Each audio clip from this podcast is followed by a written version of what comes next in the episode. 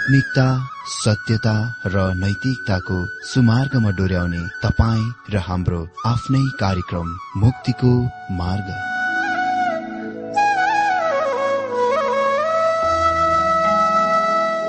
आदरणीय श्रोता यस मुक्तिको मार्ग कार्यक्रममा हार्दिक स्वागत छ। आशा छ यस आत्मिक कार्यक्रमद्वारा जीवनमा आत्मिक आशिष अलौकिक शान्ति र आनन्द प्राप्त गर्नुहुनेछ। र जीवनमा धन्य अनुभव गर्नुहुनेछ। आउनुहोस् मित्र हामी छोटो प्रार्थनाको साथ आजको वचन अध्ययनलाई आरम्भ गरौं। प्यार प्रभुजी आज पनि हामी तपाईँको उपस्थितिमा आएका छौं। तपाईँको वचनले हामीलाई भरिदिनुहोस् हाम्रो मन हाम्रो हृदयलाई तयार गर्नुहोस् ताकि प्रभुजी आजको वचन हामी प्रत्येकको निम्ति अति नै धेरै उपयोगी हुन सकोस् र हाम्रो हृदयको आवश्यकता अनुसारको हुन सकोस्। र यसले हाम्रो जीवनमा व्यावहारिकतामा काम गर्न सकोस्। र प्रभु हामी तपाईँको महिमाको निम्ति योग्य बन्न सकेका हौ। धन्यवाद छ प्रभु तपाईँले हाम्रो प्रार्थना सुन्नुभएको लागि। यशु ख्रिसको नाममा यो प्रार्थना माग्छु। आमेन। मित्र आज हामी बाइबल अध्ययन प्रकाश पन्ध्र अध्यायबाट आरम्भ गर्न गइरहेका छौं। यो पन्ध्र अध्यायको मुख्य विषय हो महाक्लेशको अन्तिम दण्डको लागि तयारी।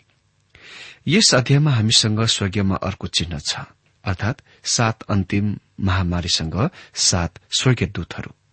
पन्ध्र अध्याय र सोह्र अध्याय एक आपसका सम्बन्धित हुने अध्यायहरू हुन् वा तिनीहरू एक आपससँग सम्बन्धित छन्। किनभने तिनीहरूमा हामीसँग सात मिश्रित भाँडाहरूको वा कचौराहरूको क्रोधको खनिज छ। म कल्पना गर्दछु सायद तपाईँले सोच्नुभयो होला अब सबभन्दा खराब नराम्रो परिस्थिति खतम भयो पूरा भयो तर त्यो आउनलाई अझै बाँकी छ। हामीले पहिले सात छापहरूको सात तुरैहरूको र सात व्यक्तित्वहरूको देखिसकेका छौं। अहिले क्रोध आइरहेको छ। क्रोधको सात कचौराहरू। ती सबैभन्दा खराब हुन्। पन्ध्र अध्याय प्रकाशको पुस्तकमा सबभन्दा छोटो अध्याय हुनको साथसाथै यो महाक्लेशको अवधिमा पृथ्वीमा आउने दण्डहरूको अन्तिम अनुक्रममा वा मालाहरूको भूमिका पनि हो। यी दण्डहरू तिनीहरू भन्दा पहिले गइसकेका वा आइसकेकाहरूभन्दा धेरै तीव्र प्रचण्ड र नष्टकारी हुन्छन् विनाशकारी हुन्छन्। महाक्लेशको उद्देश्य चाहिँ दण्ड हो। यो चर्चको शुद्ध गर्ने कामको लागि होइन। यो शैतानलाई त्यसको अन्तिम मौका दिनु हो।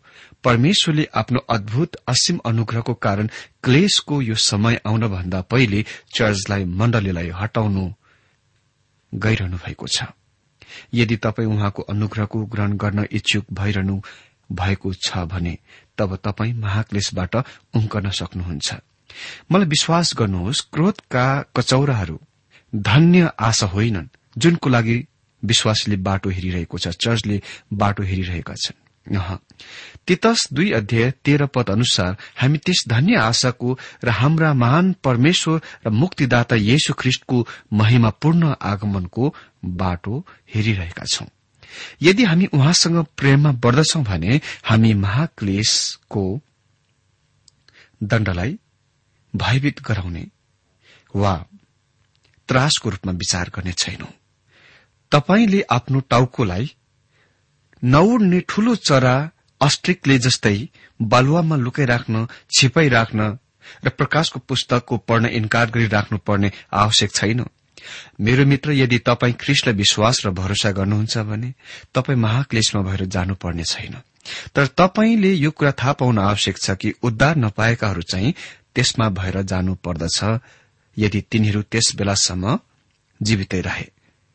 र यस कुराले हामीलाई यी कठिनका दिनहरूमा तपाईँलाई ख्रिष्टको जोसिलो उत्साही साक्षी गवाई बनाउनु पर्छ कसैले डिएल मोडीको बारेमा भनेथे कि उसको दिनमा उसले त्यति धेरै मानिसहरूलाई वा तिनीहरूको अनुहार हेरेथे जस्तो कि अरू कसैले पनि त्यति धेरै संख्यामा मानिसहरूको अनुहार कहिले हेरेका छैन र उसले करिब बीस लाख नर्कको जनसंख्या घटाए कम गरे। मतलब उसको साक्षीद्वारा लाखौं मानिसहरू प्रभुमा उद्धार पाए र स्वर्गीय र अनन्त जीवनको हकदार भए। हामी यो पृथ्वीको जनसंख्या वृद्धिको घटाउने बारेमा धेरै मानिसहरू कुरा गरिरहेका सुन्दछौ। नर्कसँग धेरै वर्षदेखि जनसंख्या वृद्धि छ र म त्यसको कम गर्न घटाउन सहायता गर्न चाहन्छु। यी स्वर्गीय दूतले क्रोधका कचौराहरू खन्याउन भन्दा पहिले त्यहाँ केही मानिसहरूको दिमागमा अझै प्रश्न रहेको हुन सक्छ कि के विश्वासीहरू ख्रिस विरोधीको विरूद्धमा खड़ा उभिन योग्य थिए? यदि त्यो प्रश्नको श्रोताहरूलाई सन्तोषजनक रूपमा उत्तर पाएका छैनन् भने त्यसको यहाँ उत्तर दिइएको छ। त्यहाँ कोही कोही हुनेछन् जो त्यसबेला उभिन्न खड़ा हुन योग्य हुनेछन्। सर्वप्रथममा हामी महाक्लेशको अन्तिम दण्डको लागि तयारीको देख्नेछौ। त आज हामी बाइबल अध्ययन प्रकाश पन्ध्र अध्याय एकदेखि चार पदसम्मबाट देख्न गइरहेका छौं। यहाँ हामी देख्छौ कि स्वर्गीयमा महाक्लेशका सन्तहरू परमेश्वरका आराधना गर्दछन् किनभने उहाँ पवित्र र धर्मी न्यायी हुनुहुन्छ। यो अर्को विराम वा बीचको समय हो अन्तराल हो। प्रकाश पन्ध्र अध्याय एक पदमा यस प्रकार लेखिएको छ अनि मैले स्वर्गीयमा अर्को एउटा ठूलो र अचम्मको चिन्ह अर्थात आखिरी सात महामारीहरू भएका सात स्वर्गीय दूतहरूलाई देखे किनकि तिनमा परमेश्वरको क्रोध पूरा हुन्छ। यसले हामीलाई महाक्लेश अवधिको अन्ततिर ल्याउनेछ। म तपाईँको बारेमा जान्दिन तर म त्यसको अन्ततिर आउन पाउँदाखेरि म खुशी छु। त्यसपछि हामी पृथ्वीमा ख्रिष्टको आगमनको देख्नेछौ। मैले देखे यसले हामीलाई निश्चय गराउँदछ कि युहान अझै यी घटनाहरूका दर्शक हुन्। उसले पृथ्वीमा मानिसको सानो दिनको अन्तिम अभिनय र क्रियाकलापको हेरिरहेका छन्। अर्को अचम्मको ठूलो चिन्ह यसले चाहिँ यो पन्ध्र अध्यायलाई प्रकाश बाह्र एकसँग जोड्दछ कि बाह्रको एक पदमा उल्लेखित पहिलो चिन्ह चाहिँ इसरायल थियो। क्रोधका यी सात स्वर्गीय दूतहरू पछि आउने दण्डहरूसँग जोडिएको छ। अर्थात उन्नाइस अध्याय अनुसार ख्रिष्ट आइन्जेलसम्मको दण्डसँग। बाह्र अध्यायदेखि ख्रिसको आगमनसम्म चाहिँ ती घटनाहरूका मालाहरू वा अनुक्रमहरू हुन् जुन एक आपसमा सम्बन्धित छन्। यसको मतलब यो होइन कि त्यहाँ कालक्रमिक अनुक्रमा छ बरू अतिरिक्त विवरण सहितका उही घटनाहरूका बताउने वा सम्झाउने कामको तर्कसंगत अनुक्रमा वा क्रम छ। यो विधि चाहिँ पवित्र आत्माको व्यक्तिगत सही हो जुन प्रथमपल्ट उत्पत्ति एक अध्याय र दुई अध्यायमा देखिएको छ। उत्पत्ति एक अध्यायमा हामीलाई सृष्टिको विवरण दिइएको छ। सात दिनहरूले परमेश्वरका हस्तकला वा हातका कामहरूको वर्णन गर्दछ। उत्पत्ति दुई अध्यायमा पवित्र आत्मा मानिसको सृष्टिको विवरणको फेरि उठाएर यसको अतिरिक्त थप विवरण सहित उल्लेख गर्नुहुन्छ। यसलाई दोहोऱ्याउने काम वा सार कथनको नियम व्यवस्थाको रूपमा जानिन्दछ अर्को उदाहरणको लागि प्रस्थानको पुस्तकमा मोसाको व्यवस्था दिइएको हामी देख्छौं। अनि त्यसपछि व्यवस्थाको पुस्तकमा मोसाको व्यवस्थाको व्याख्या र इसरायलको उजाड स्थानमा चालिस वर्षको अनुभवका धेरै विवरण सहित अतिरिक्त विवरणहरू थपिएको देख्छौ। अनि जब हामी नयाँ नियममा पनि आउँछौ हामी खालि एउटै मात्र पाउँदैनौ खालि दुईवटा मात्र पाउँदैनौ तर चार सुसमाचारले रेकर्ड गर्दछ। किनभने यसले ख्रिष्टको महिमित व्यक्तिको धेरै पक्षहरूको दिनलाई प्रस्तुत गर्नलाई चार चारवटाको लिँदछ जो दुई हजार वर्ष पहिले पृथ्वीमा आउनु भएको थियो। शैतानलाई पृथ्वीमा फ्याँकिएकोले गर्दा आफ्नो क्रोध इसरायलका बाँकी बचेकाहरू रेमनेन्टहरूमाथि शैतानले खसाउँदछ। साथै त्यसले दुई पशुहरूद्वारा विश्व अधिपत्य शासनको लागि अन्तिम प्रहार गर्दछ। त्यसपछि परमेश्वरले उहाँको क्रोधको अन्तिम प्रदर्शन गर्नुहुन्छ र पृथ्वीका पापको निच दुखण्ट र त्यो अति नै दयनीय नाटकको अन्त हुन्छ। भजन एक सौ दसको एक पदमा पढ्छौ परम प्रभु मेरो परम प्रभुलाई भन्नुहुन्छ तिमी मेरो दाहिने हातपट्टि बस जबसम्म म तिम्रा शत्रुहरूलाई तिम्रा खुट्टाको पौदान तोल्याउँदिन। परमेश्वरको क्रोध यसले महाक्लेशको अन्तिम दण्डको अंकित गर्दछ। परमेश्वर रिसाउनमा धीमा हुनुहुन्छ तर यहाँ उहाँको धैर्य धीरज अब अन्त हुन्छ सकिन्दछ। क्रोधको दिनको अन्तिम चरणमा दण्ड परमेश्वरबाट आउँदछ। शैतानबाट र जंगली त्यो पशुबाट ख्रिस्ट विरोधीबाट होइन। यो सिधै परमेश्वरको सिंहासनबाट आउँदछ। यो सिधै परमेश्वरको सिंहासनबाट आएको हामी देख्छौ। परमेश्वरले दण्ड दिनुहुन्छ। दुई पदमा हामी पढ्छौं अनि मैले मानव आगोसँग मिसिएको काँचको समुद्र देखे अनि त्यो पशु त्यसको मूर्ति त्यसको निशान र त्यसको नामको संख्यामाथि विजय पाउनेहरूलाई परमेश्वरका बिनाहरू लिएर त्यस काँचको समुद्रमाथि उभिरहेको देखे। आगोसँग मिसिएको काँचको समुद्र यसले महाक्लेश अवधिमा पशुद्वारा भयानक डरलाग्दो सतावटको प्रतिनिधित्व गर्दछ। यो त्यो समयको अवधि हो जुनको हामीले देखिसकेका छौं कि कसैले पनि न किन्न सक्छ न बेच्न नै सक्छ जबसम्म उसले त्यस पशुको छाप निशाना आफैमाथि लगाउँदैन। त्यस दिनमा खानलाई चीजहरू पाउन अति नै मुस्किल हुन गइरहेको छ। यही नै कारण जैतुन डाँडाको आफ्नो प्रवचनमा प्रभुले यस अवधिको बारेमा कुरा गर्नुहुँदा भन्नुभयो जसले उहाँको नाममा एक कप चिसो पानी दिनेछ उसले आफ्नो इनाम गुमाउने छैन। उसले आफ्नो इनाम गुमाउने छैन। देख्नुभयो त्यस दिनमा जसले एक लाख चौवालिस हजार जना मध्येको कसैलाई पनि एक कप चिसो पानी उहाँको नाममा दिए पनि आफ्नो जीवन खतरामा जोखिममा हाल्नेछ। किनभने त्यस पशु जो ख्रिस विरोधी हो उनलाई शरण दिएको लागि र साथ दिएको लागि मृत्युदण्ड दिनेछ। ती अति नै कठिनका दिनहरू हुनेछन्। फेरि म प्रश्न सोद्धछु के हरेक त्यो महाक्लेशको सुरक्षितसँग पार गर्न सक्नेछ? अह तिनीहरूले सक्ने छैनन्। जबसम्म तिनीहरूलाई छाप मारिएका हुँदैनन्। यद्यपि यस अवधिमा हजारौं शहीद बनाइए तापनि अनि म सोच्दछु कि एक लाख चौवालिस हजार जनाहरूबाट पनि धेरैजनाले यसोको लागि आफ्नो जीवन अर्पण गर्नेछन्। तिनीहरू मृत्यु समय उहाँप्रति विश्वासयोग्य हुनेछन्। हामीले देखिसकेका छौं कि सम्पूर्ण एक लाख चौवालिस हजार सियोन पर्वतमा थुमासँग हुनेछन्। विजय पाउनेहरू। अ यहाँ महाक्लेशकालीन सन्तहरू छन् जो पृथ्वीमा सत्तावटको आगोहरूबाट भएर आएका छन् र पनि अझै तिनीहरूले आफ्नो गीत गुमाएका छैनन्। तिनीहरूसँग परमेश्वरको बिनाहरू छ अनि केही निम्न पदहरूमा हामी देख्छौ कि तिनीहरू गाउन योग्य छन् र तिनीहरू गाउँदछन्। ख्रिस्टियन मित्र आज हाम्रो बारेमा नि के? हामी अहिले महाक्लेशमा छैनौं र हामी कहिले पनि हुने छैनौं। तर यी दिनहरूमा पनि कहिले कहीँ विभिन्न प्रकारका सतावट खेदो र कठिनाईहरू र परेशानीहरू हाम्रो जीवनमा आउन सक्छन्। कुनै कुनै त एकदम समयदेखि बाहिरको अवर्णीय पनि हुन सक्छ। मित्र जब म विश्वासी भए मैले आफ्नो परिवारमा आफन्त समाजबाट अति नै धेरै घृणा र हेला पाए। ती कुराले कहिले कहीँ मलाई याद दिलाउँदछ र मलाई याद आउँदछ। अनि यो दिनमा पनि त्यस समयमा मलाई अति नै नराम्रो गरी व्यवहार गर्ने मानिसहरूको विरूद्ध कटुताको सानो जडसँग म लड्नुपर्छ। यो मेरो आफ्नो जीवनमा धेरैपल्ट भोगे। तर त्यो कति पनि बाइबलमा उल्लेखित त्यस क्लेश थिएन। त्यो त ठूलो पीर ठूलो व्याथा र कठिनाई मात्र थियो। त्यो कति पनि महाक्लेश वा बाइबलमा उल्लेखित क्लेश होइन।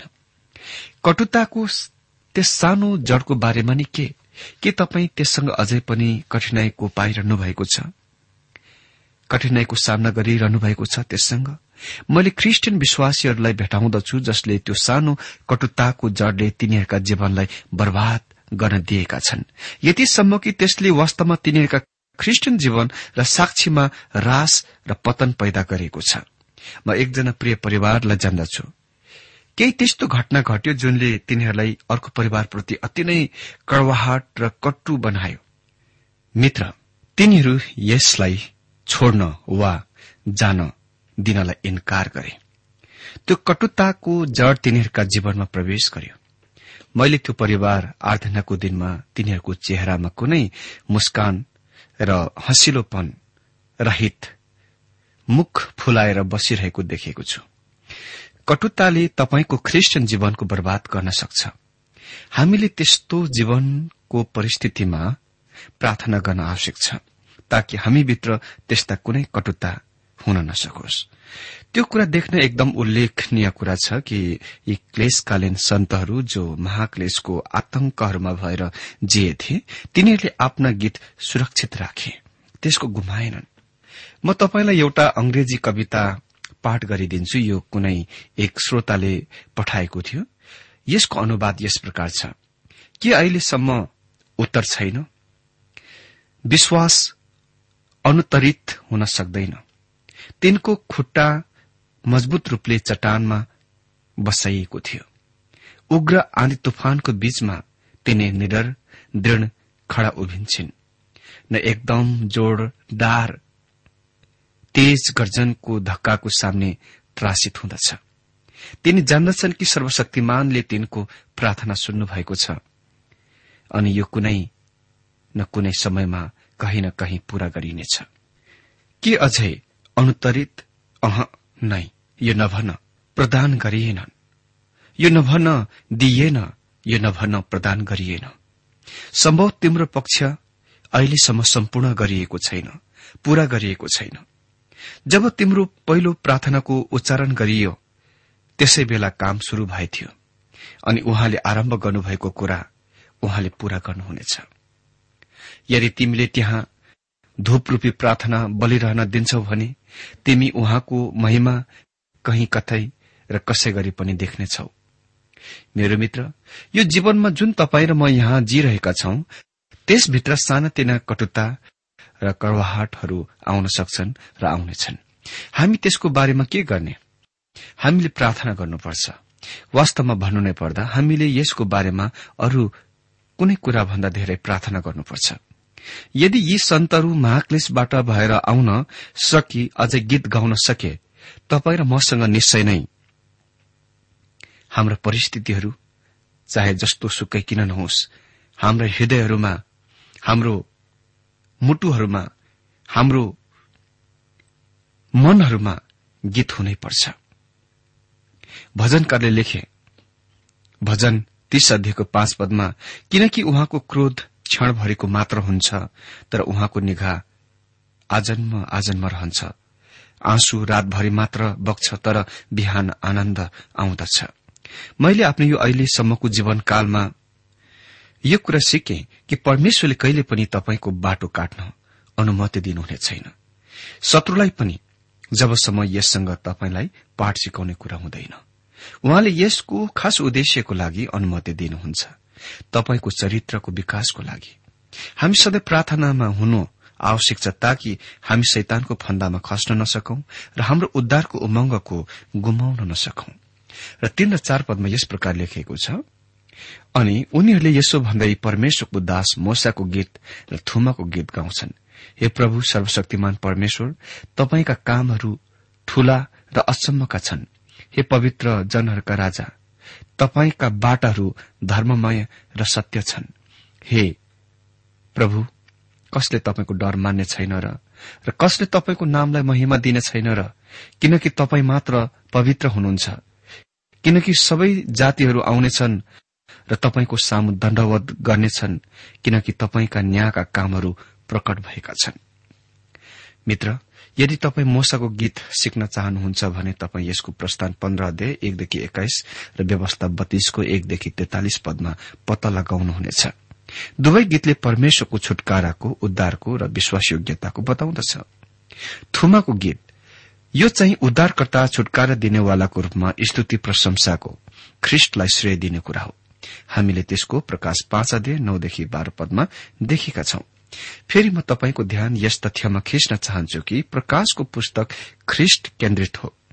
चार घोडचढ़ीहरू ती घोड सवारहरूले तपाईँलाई व्याकुल नगराओस् वा तुरैहरूको फुकाईद्वारा वा सात व्यक्तित्वहरूद्वारा विचलित तपाईँ नहुनुहोस् अनि तपाईँको रुचि क्रोधको यी कचौराहरूमा केन्द्रित हुन नदिनुहोस्। हाम्रा आँखाहरू ख्रिस्टमा केन्द्रित गरौं। उहाँ इन्चार्ज हुनुहुन्छ उहाँ परमप्रभु हुनुहुन्छ। यो पुस्तकमा हामीसँग उहाँको पवित्रतामा उहाँको शक्तिमा र उहाँको महिमामा येशु ख्रिष्टको प्रकटन हो। उदाङ्गो गराई हो। मानव चोलामा आउनुभएको येशु ख्रिष्ट अद्भुत हुनुहुन्छ। उहाँलाई एक हुनुहुन्छ जसले उहाँको हात परमेश्वरको हातमा राख्न सक्नुहुन्छ र जसले उहाँको अर्को हात मानिसको हातमा राखिदिनु भएर तिनीहरूलाई एकसाथ ल्याउन सक्नुहुन्छ। एकसाथमा मिलाउन सक्नुहुन्छ संगम गर्न सक्नुहुन्छ। उहाँले यो गर्न सक्नुहुन्छ किनभने उहाँ परमेश्वर हुनुहुन्छ। पवित्र जनहरूका राजा। अनि यसको अर्को अनुवाद छ राष्ट्रहरूका राजा। कुनै पनि अनुवादले संकेत गर्दछ कि ख्रिस्ट नै विश्वव्यापी आराधना र स्वीकारको पात्र हुनुहुन्छ। त्यहाँ कुनै स्थान हुने छैन जहाँ उहाँलाई आराधना गरिँदैन। प्रभु कसले तपाईँको डर माने छैन र र कसले तपाईँको नामलाई महिमा दिने छैन? हाम्रा दिनमा परमेश्वरको अति नै कम श्रद्धापूर्ण भय र डर छ। अरू त के विश्वासीहरूको बीचमा पनि यो सत्य हो? हामी खालि यस्तो सोचाइमा मात्र झुक्काई भएको पाउँदछौ कि परमेश्वर प्रेम हुनुहुन्छ। हामीले यस तथ्यको भुल्नु हुँदैन। परमेश्वर निश्चय नै प्रेम हुनुहुन्छ। तर उही समयमा परमेश्वर ज्योति पनि हुनुहुन्छ जुनको अर्थ हो उहाँ पवित्र हुनुहुन्छ। परमेश्वर चर्चहरूमा बढ़िरहनु भएको छ र ख्रिस्टियनहरूसँग त्यस किसिमले व्यवहार गरिरहनु भएको छ जस्तो कि मैले उहाँले अघि वा पहिले त्यसो गर्नुभएको देखेको छैन। यदि तपाईँ परमेश्वरको सन्तान हुनुहुन्छ भने तपाईँले आफ्नो खुशी मनपरी काम नगर्दा नै असल हुनेछ। यदि तपाईँ सोच्नुहुन्छ कि परमेश्वरले तपाईँलाई सानो कष्टहरूमा पठाउनमा यत्न गर्नुहुन्छ तपाईँ गलत सोचिरहनु भएको छ। परमेश्वरको डर मान्नुपर्छ। हाम्रो परमेश्वर पवित्र परमेश्वर हुनुहुन्छ। जातिहरू आउनेछन् र तपाईँको सामु दण्डवत गर्नेछन्। त्यो दिन आउनेछ जब राष्ट्रहरू आउनेछन् र प्रभु येशु ख्रिष्टको सामने दण्डवत गर्नेछन् आराधना गर्नेछन्। त्यो राष्ट्रहरू जाति जातिहरूमा आज कति पनि सत्य होइन। यो एकदम स्पष्ट कुरा देखेको कुरै हो। त्यो दिन आउनेछ परमेश्वरले विद्रोही मानिसहरूलाई हटाउनुहुनेछ र खालि ती मानिसहरूलाई छोड्नुहुनेछ जसले उहाँलाई आराधना गर्दछन्। भजन संग्रह दुईको आठ पदमा हामी पढ्छौं मसँग माग र म राष्ट्रहरूलाई तिम्रो सम्पत्ति तुल्याइदिनेछु र पृथ्वीको पल्लो छेउसम्म तिम्रो अधिकारमा राखिदिनेछु। जाति जाति वा राष्ट्रहरू उहाँको हुन गइरहेको छ।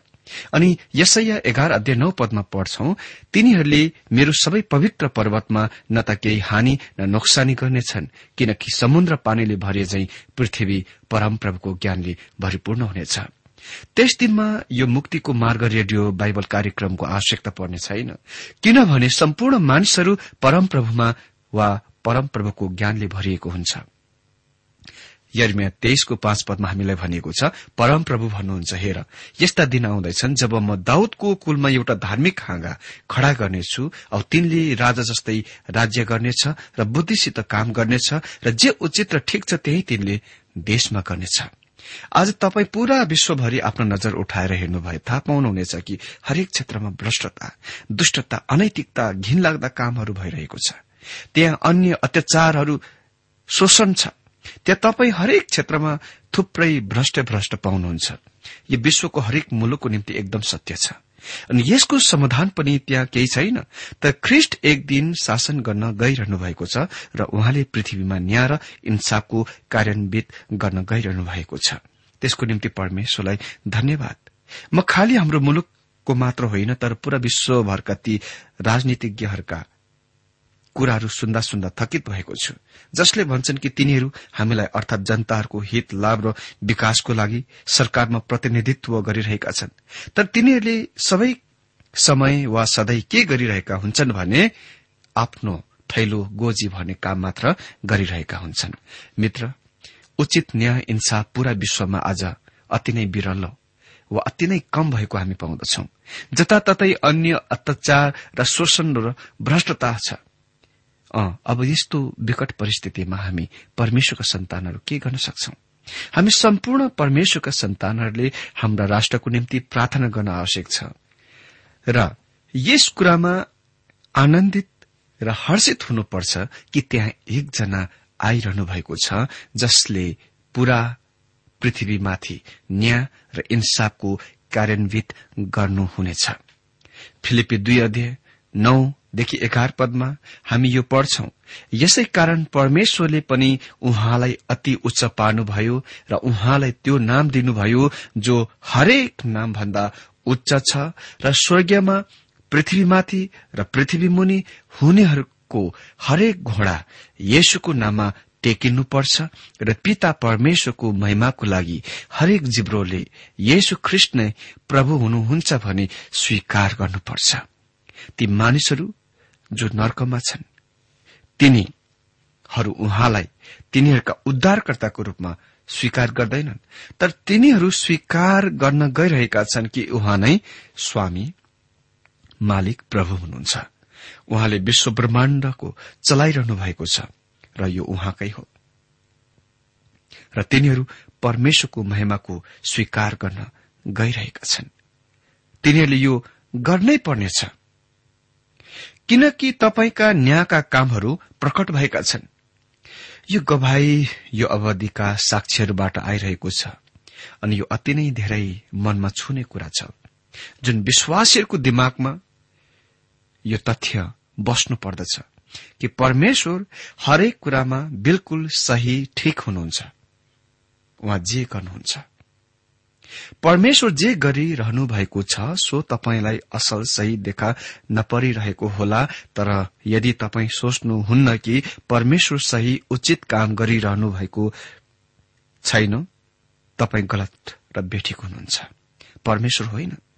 हामीले हाम्रो सोचाइ र मनोवृत्तिको अनुकूल बनाउनु पर्छ। भजनहरूको र भजनकारहरूको गवाईको ध्यान दिनुहोस्। भजन संग्रह सात अध्याय नौ पदमा भनिएको छ हे धार्मिक परमेश्वर जसले मन र हृदयको जाँच गर्नुहुन्छ दुष्टहरूको उपद्रव समाप्त गर्नुहोस् तर धर्मीहरूलाई स्थिर गराउनुहोस्। तर धर्मीहरूलाई स्थिर गराउनुहोस्। अनि भजन संग्रह एघारको सात पदमा भनिएको छ किनभने परमप्रभु धर्मी हुनुहुन्छ। धार्मिक कामहरू उहाँ मन पराउनुहुन्छ। सोझाहरूले उहाँको मुहारको दर्शन गर्नेछन्। भजन संग्रह एक सौ सातको एक पद अनि चालिस पद बयालिस पदमा भनिएको छ परम प्रभुमा धन्यवाद चढ़ाउ किनभने उहाँ भला हुनुहुन्छ। उहाँको करूणा सदा सर्वदा रहिरहन्छ। उहाँ जसले शासकहरूमाथि अपमान खन्याउनुहुन्छ। तिनीहरूलाई पथहीन उजाड ठाउँहरूमा भड्काइदिनुभयो। सोझाहरू यो देख्छन् र आनन्दित हुन्छन्। तर सबै दुष्टहरू आफ्नो मुख बन्द राख्छन्। मित्र यो सबै कुरा हुनेछ जब परमेश्वरले पूर्ण अभिभारा लिनुहुन्छ। प्रभु आफ्नो वचन अध्ययनद्वारा तपाईँ सबैलाई धेरै धेरै आशिष दिउन्।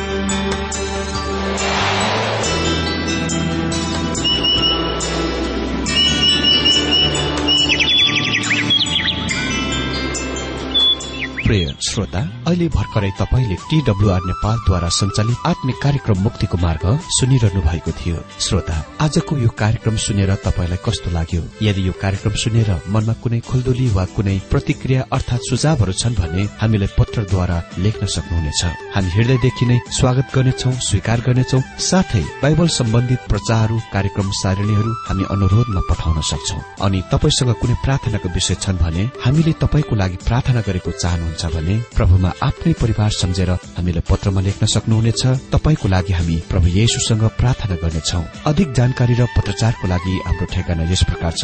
कार्यक्रम मुक्तिको मार्ग जीपीओ नम्बर उनानब्बे पचहत्तर इपिसी पच्चिस एकसठी काठमाडौँ। ठेगाना एकपल्ट सुन्नुहोला कार्यक्रम मुक्तिको मार्ग जीपीओ नम्बर उनानब्बे पचहत्तर इपिसी पच्चिस एकसठी काठमाडौँ। हाम्रो इमेल एड्रेस हो TWR Nepal at Yahoo dot com साथै यस नम्बरमा एसएमएस गर्न सक्नु सक्नुहुनेछ अन्ठानब्बे चार सत्तरी पैतिस छ सय उनासी नौ आठ चार सात जिरो तीन पाँच छ सात नौ। हुन्छ श्रोता आजलाई हामी विदा चाहन्छौ। अर्को कार्यक्रममा हामी पुनः भेट्नेछौ तबसम्मलाई नमस्कार।